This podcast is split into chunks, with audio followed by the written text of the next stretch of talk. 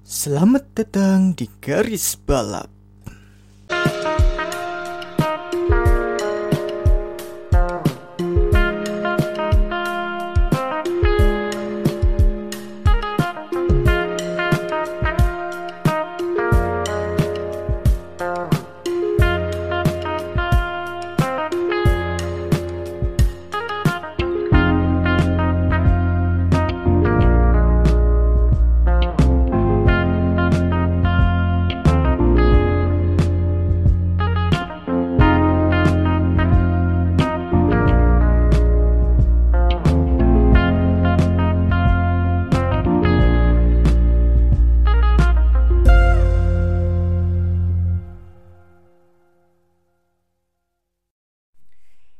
Ya, kembali lagi di garis balap bersama test driver andalan Anda. Gua bagus.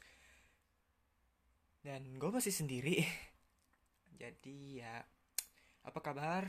Sehat semua? Bagaimana hari-harinya? Hari Senin, Selasa. Semoga baik-baik saja ya meskipun pada hari Minggunya harinya sedang tidak baik ya. Oke, sebelum ke pembahasan utama ya, uh, seperti episode sebelumnya garis balap mau apa ngas ngasih sedikit informasi mengenai seputar dunia dunia motorsport. Ada apa aja beritanya? Yang pertama uh, ini mengenai ini Super GT balapan Super GT pada balapan Fuji kemarin. Balapan yang luar biasa yang juara adalah tim Raibrik Kunimitsu NSX yang dikendari oleh Naoki Yamamoto dan Tadasuke Makino. Dramatis di, di menit-menit akhir ya. Itu balapan yang gue lihat juga itu cukup dramatis dan pastinya saya lihat juga sayang sekali untuk Ryo Hirakawa lalu ada yang ke berita yang kedua um, Audi memutuskan untuk keluar dari Formula E setelah musim ketiga ya. Eh, sorry, setelah musim ketujuh berarti musim ini ya. Sehabis musim ini berarti Audi tidak membalap untuk Formula E dan akan membalap di World Endurance Championship. Akhirnya pulang kampung dan bisa bersaing lagi dengan Toyota. Lalu berita yang ketiga ada ini ya apa balapan F2 kemarin dimenangkan oleh dari balapan feature race dimenangkan oleh uh, Felipe Drugovic ya lalu yang kedua ya, lalu di sprint race dimenangkan oleh Robert Schwartzman dan membuka peluang bagi Schwartzman, Sunoda, Mazepin untuk meraih gelar juara F2 selain Ailot sama Mick Schumacher ya. Nah, lalu berita yang ketiga empat terakhir ini ada uh, Pietro, Pietro Fittipaldi uh, diumumkan oleh Haas sebagai pembalap yang akan membalap di Sahir Grand Prix pada pekan ini. Ia menggantikan Roman Grosjean yang cedera pada setelah mengalami kecelakaan pada balapan Bahrain yang lalu. Get well soon untuk Grosjean dan good luck untuk Pietro Fittipaldi. Nah, ini berkaitan dengan topik utama yang kita bahas yaitu mengenai uh, kecelakaan dari Roman Grosjean ya pada Bahrain Grand Prix kemarin. Dan pada balapan itu Lewis Hamilton yang memenangkan, lalu juara kedua ada siapa? Uh, Max Verstappen ya, lalu ketiga Alex Albon. Alex Albon podium lagi, jadi selamat untuk Alex Albon um, ya apa ya gue nggak mau bahas soal balapannya sih. Gue lebih mau bahas ke uh, respon respon garis balap mengenai balapan ini cukup apa ya kecelakaan yang cukup besar.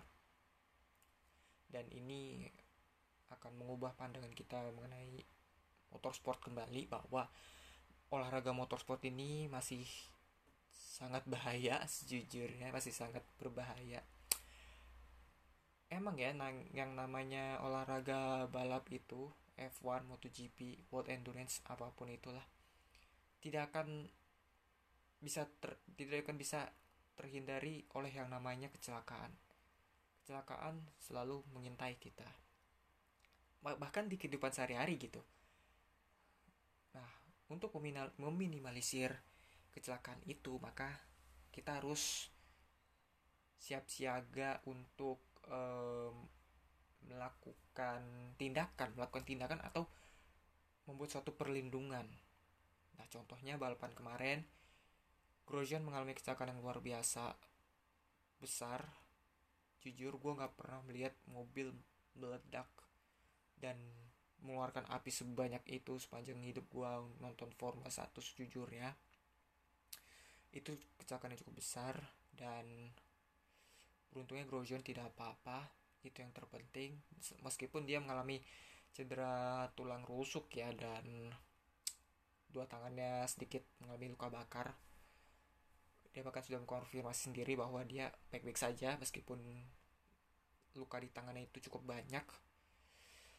Ya tapi ya motorsport bahaya juga. Dan itu tidak bisa terhindarkan. Um, jadi gue jadi bagi yang belum nonton dan pastinya kalian sudah pada tahu uh, mau sedikit flashback lagi. Jadi pada saat start Hamilton menjalani startnya dengan bagus Bottas startnya hancur sejujurnya. Semua berjalan dengan baik. Start berjalan mulus tidak ada uh, tabrakan di tikungan pertama. Namun cerita berubah pada uh, keluar keluar setelah tikungan ketiga. Pada saat uh, Roman pada saat keluar dari tikungan ketiga dari garis belakang dari baris belakang Roman Grosjean menyentuh bagian depannya men, apa Daniel Kvyat menyentuh bagian belakangnya Roman Grosjean bagian samping kirinya eh sorry samping kanannya Roman Grosjean. Uh, lalu ya karena berkontakan hingga akhirnya membuat mobilnya Roman Grosjean uh, terlempar ke armco barrier dengan cukup keras. Dan bahkan pada saat live itu bener-bener dari uh, view view tikungan 4 ya waktu itu ya. View tikungan 4 gue ngeliat ya tahu-tahu ada mobil yang tahu-tahu menghantam ke pembatas armco dan terbakar gitu aja. Dan gue ulang lagi itu bener-bener kecelakaan terbesar yang pernah gue lihat secara langsung dalam menonton F1 sejujurnya ya itu bener-bener keras. Up bagaimana kobaran apinya itu begitu keras dan dan apa ya dalam dalam pikiran gue saat itu uh, apa ya gue nggak apa ya gue tetap positif thinking pada saat pada saat kecelakaan itu terjadi ya pada saat api berkobar red flag dikibarkan. Gue pada saat itu masih positif thinking masih positif thinking dan bahwa semuanya akan baik-baik saja tapi sampai mo mobil Formula 1 pada saat uh, mobil yang berhasil selamat dari kecelakaan itu uh, uh, pada kepit tidak ada rekaman replay ataupun uh, footage footage uh, penayangan yang ada di tempat kejadian itu pada saat itu gue mulai ber negatif thinking sejujurnya karena ya apa ya gue sudah mikirnya aneh-aneh sih kalau misalnya udah apa siarannya apa tidak ada footage di TKP tidak ada di tempat kejadiannya dan bahkan tidak ada replay selama beberapa menit gitu loh setelah red flag itu gue mulai berpikir waduh ini Grosjean kenapa-napa. Karena emang sekeras itu ke, da, apa kecelakaannya dan hingga mau api berkobar saat itu gue udah mulai bener-bener shock shock banget. Bahkan gue yang sebagai admin garis balap nge-tweet wah ini bener-bener dah. Kalian bisa lihat tweetnya sendiri nah itu reaksi respon garis balap respon kami. Itu benar-benar kecelakaan luar biasa. Dan hingga pada akhirnya suatu footage memperlihatkan bahwa Grosjean sudah aman di mobil petugas medis itu jujur gue lega banget. Grosjean masih dalam keadaan sadar dia membuka helmnya dan diperiksa oleh dokter Ian Roberts kala itu. Itu bener-bener apa ya relief lah gue yang tadinya gue aduh khawatir dengan Grosjean. Dan akhirnya ya semuanya baik-baik saja. Tapi itu api bener-bener besar besar meledak itu benar besar. Dan ya nggak hanya gue yang shock semuanya yang menonton itu pasti akan shock. Apalagi uh, pihak istri dan keluarga ya keluarga Grosjean dan pasti akan sangat shock lihat itu. Uh, Grosjean selamat dan setelah selang berapa lama akhirnya diperlihatkan footage di tempat kejadiannya terlihat bahwa mobilnya Grosjean tuh kebelah. Kebelah dan apa ya kebelah dalam arti bagian belakangnya itu terpisah sama bagian kokpitnya. Bagian belakangnya itu kepotong udah kepotong sama kokpitnya. Dan bagian kokpitnya itu nyasar ke pembatas armco loh. Gila. Itu gila bener-bener. Gue langsung waduh pembatas armco cuy. Dan beruntungnya Grosjean selamat. Dan pada saat lihat rekaman replaynya lagi pada saat evakuasinya si Grosjean dan juga diperlihatkan tuh pada saat kecelakaan terjadi Fiat menyentuh Grosjean Grosjean tabrakan dengan Aramco barrier mobil terpisah udah bagaikan film horor sejujurnya. Dan ya ada satu atau dua marshal yang datang ke TKP langsung memadamkan api. Pembalap Roman Grosjean masih di situ.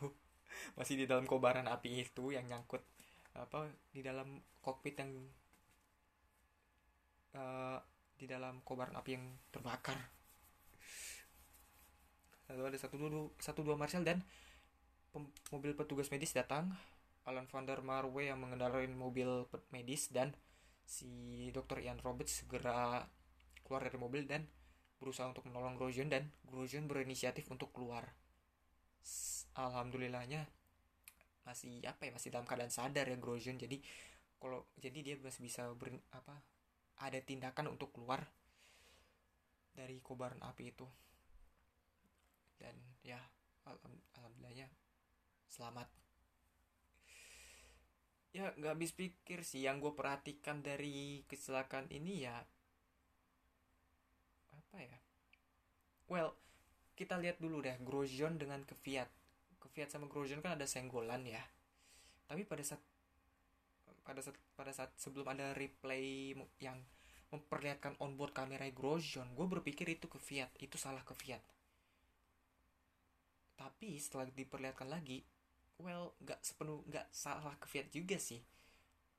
Kalau menurut gue sih ada salah Grosjean karena pada saat diperlihatkan onboard lagi dia seperti ingin memepet ke Fiat untuk mencegah apa ke Fiat untuk mendahului Grosjean.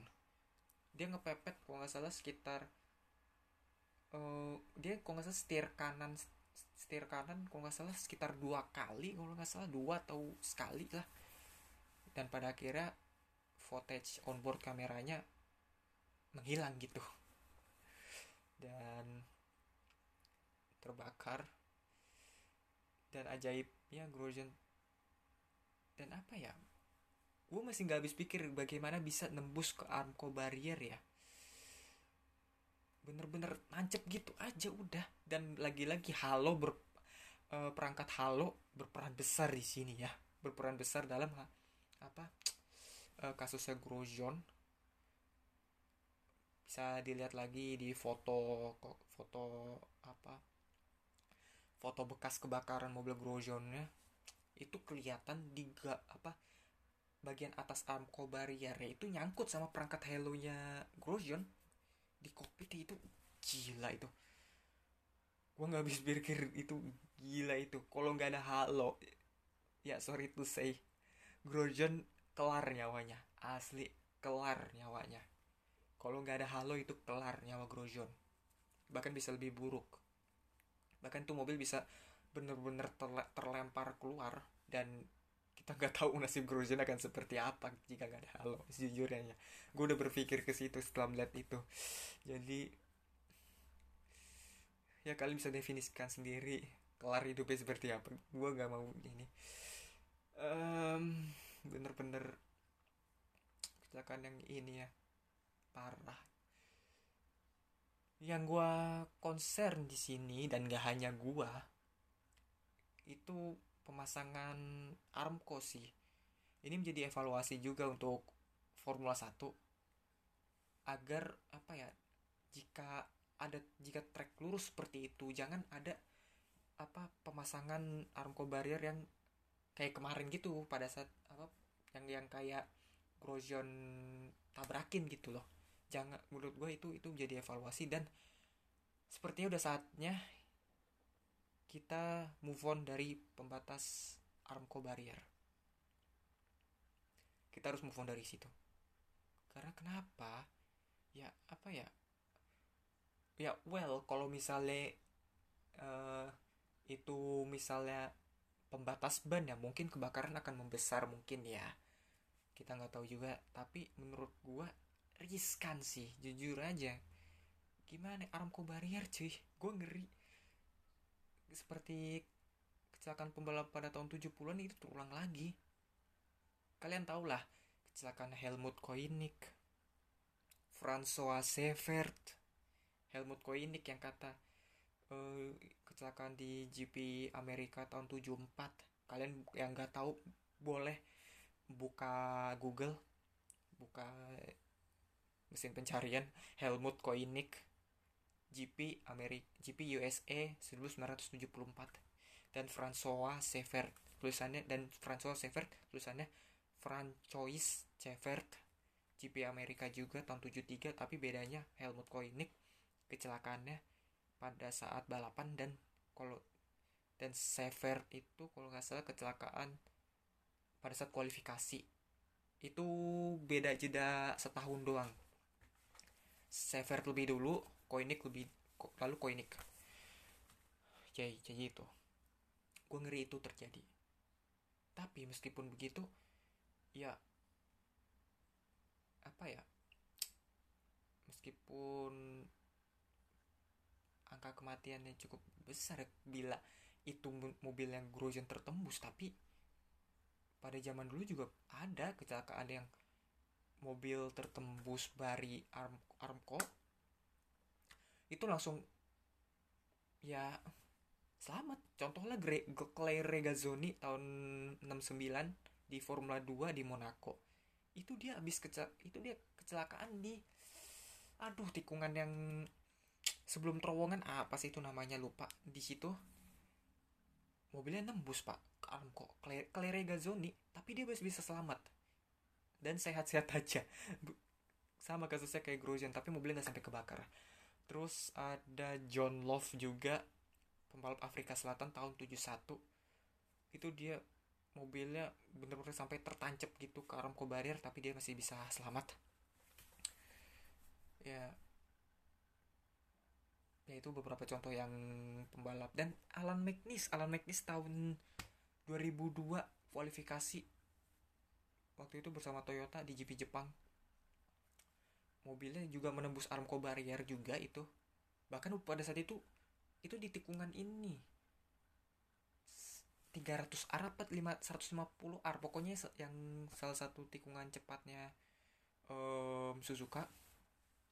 Sebelum chicken itu sebelum chicken terakhir itu nah itu dia itu udah ada pembatas ban dan pada saat terhantam itu kan di kan di dep, kan di dep, kan di belakangnya pembatas ban itu masih ada armco barrier. Nah itu armco barrier kebelah dan mobilnya juga kebelah mobil Alan Magnus. Alan Magnus nggak apa-apa fine fine aja. Kalian bisa lihat di YouTube juga tuh Alan Magnus GP 2000 GP Jepang 2002 itu cukup cukup parah tapi nggak separah. Grosjean. Ya ya itulah sudut pandang gua ya di garis balap ini. Dan wah benar-benar balapan kemarin parah banget aneh gua. Itu dan jujur ya gua setelah ngeliat itu wah gua mood gua udah nggak nggak nggak apa ya nggak excited awal-awal balapan sebelum balapan. Benar-benar gak excited gua. Udah udah benar-benar kayak gue pengen cepet-cepet matiin TV aja tapi ya gue masih pengen nonton masih pengen nonton balapan karena ini hiburan gue dan karena ada kecelakaan itu hiburan gue menjadi apa ya sebuah bencana. Gini gini gini. Formula 1 diadakan di hari Minggu untuk mengentertain. Mengentertain orang-orang yang libur kerja pada hari Minggu untuk menonton balapan bagaimana pada saat pertunjukan yang lu tonton itu berubah menjadi bencana? Lu niatnya untuk terhibur di situ, tapi semuanya berubah jadi bencana, berubah menjadi malapetaka, mimpi buruk. Nah, gue nggak mau, jujur gue nggak mau itu terjadi, dan itu kemarin terjadi, dan apa ya? Pada saat pada saat setelah red flag itu ya gue udah ya pengen matiin TV aja. Gue udah males ngadmin waktu pada saat itu dan ya udahlah. Tapi tetap sih gue tetap tetap kekeh untuk nonton dan sampai selesai deh. Ya jadi ya gitu aja. Mungkin ya respon gue di garis balap. Thanks hello. Thanks Alan van der Merwe. Thanks buat Dr. Ian Roberts. Thanks Profesor Sidwood, Dr. Sid Watkins dan FIH Mr. Charlie Whiting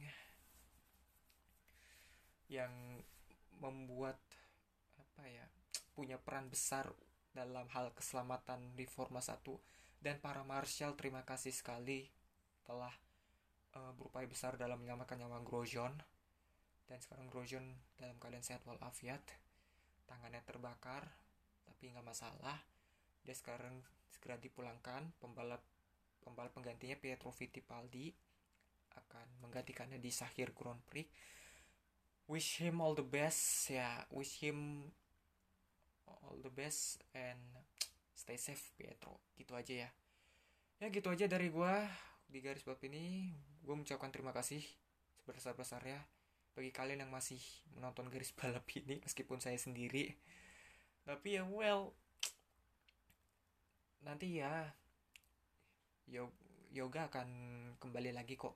Gue bisa berani jamin dia akan kembali untuk eh, berdiskusi sama gua. Dan wah kalau ada yoga ini diskusi akan sangat lama sih jujur ya sih. Oke jadi ya itu aja dari gua. Gua bagus dan jangan lupa follow twitter garis balap di @balapgaris dan follow instagram garis balap di garis titik balap. Eh, subscribe youtube-nya juga garis balap dan follow spotify kita dengerin spotify kita. Ya jadi itu aja dari gua. Gua bagus. Sampai jumpa di episode garis balap berikutnya. Untuk kalian yang berkendara pada hari-hari biasa stay safe. Stay apa ya lebih baik kalian terlambat bekerja atau melakukan sesuatu daripada kalian ngebut-ngebutan tapi nyawa kalian gak terselamatkan oke? Stay safe. Dan ya salam motorsport Indonesia. Dah